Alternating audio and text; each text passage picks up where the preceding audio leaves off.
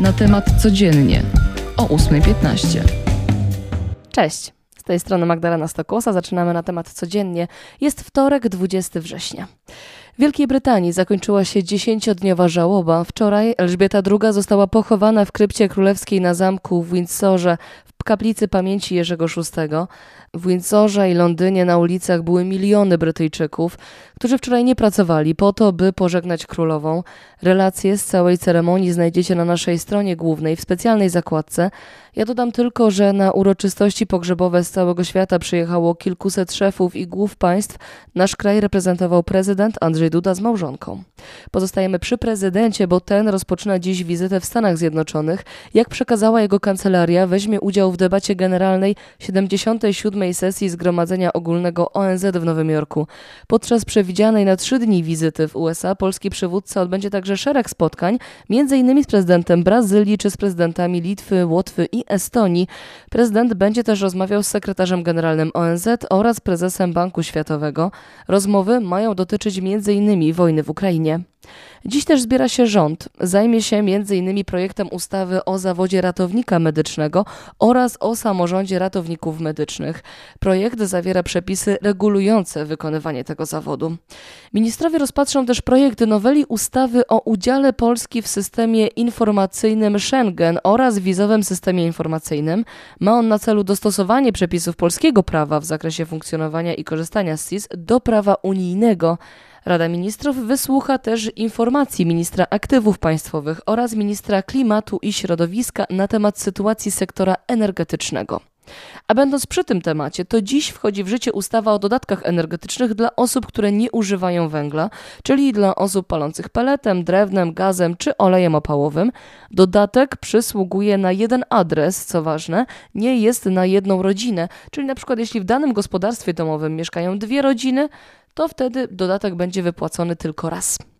Teraz jeszcze z wczorajszych rewelacji. Czy czeka nas akcja reaktywacja? Kolejnego ministerstwa. Według nieoficjalnych informacji jeszcze Jacek Kurski ma zostać nowym ministrem cyfryzacji, dowiaduje się dziennikarz śledczy Radia Z Mariusz Gierszewski. Jak wiemy, Jacek Kurski niedawno został odwołany z funkcji prezesa telewizji polskiej. Mówiło się, że miałby zająć się teraz kulturą, ale ostatecznie przypadnie mu najprawdopodobniej e, zamknięty od dwóch lat resort. Prezes Głównego Urzędu Statystycznego zaprezentuje dziś wyniki Narodowego Spisu Powszechnego Ludności i Mieszkań 2021. Z niego dowiemy się, czy nas przybywa, czy nas ubywa, gdzie nas najwięcej, jakie są trendy na najbliższe lata. Ze wstępnych informacji wynikało, że liczba ludności Polski była mniejsza o niecały procent w porównaniu z wynikami spisu sprzed 10 lat, za to liczba mieszkań sporo większa, bo o kilkanaście aż procent. A szczegóły dziś po 11. Trwa Europejski Tydzień Zrównoważonego Transportu. W wielu miastach organizowane są akcje np. darmowego sprawdzania rowerów, czy planowane są darmowe przejazdy komunikacją miejską. Ja również zachęcam, by wybrać rower albo komunikację, ale nie bez biletu oczywiście, bo jak podaje dziś Big Info Monitor, długi za jazdę na gapę wzrosły w Polsce do blisko 136 milionów złotych. 136 milionów złotych. To by można było prawie dwa razy zrobić wybory kopertowe. Najwięcej gapowiczów pochodzi z Łodzi, ale długi najwyższe są w Warszawie. W całym rejestrze osób, które zalegają z zapłatą za przejazd środkami komunikacji jest ponad 98 tysięcy i średnio na jednego dłużnika przypada 1384 zł tego rodzaju opóźnień. Ale z dobrych informacji, co czwarty Polak deklaruje, że w ciągu ostatnich sześciu miesięcy korzystał z komunikacji zbiorowej ze zwiększoną częstotliwością. Hmm? Mamy jeszcze jeden ważny tydzień, bo wczoraj rozpoczął się Europejski Tydzień Profilaktyki Nowotworów Głowy i Szyi. Często, co podkreślają specjaliści, pierwsze objawy są przez nas ignorowane, na przykład długo utrzymująca się chrypka, ból gardła, guz na szyi czy problemy z połykaniem.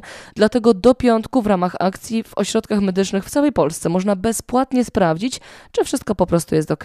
Głowa i szyja.pl. Pod tym adresem sprawdzicie pełną listę ośrodków, które wykonują badania profilaktyczne.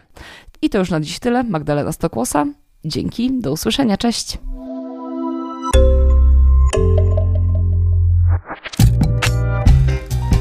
Na temat codziennie o 8.15.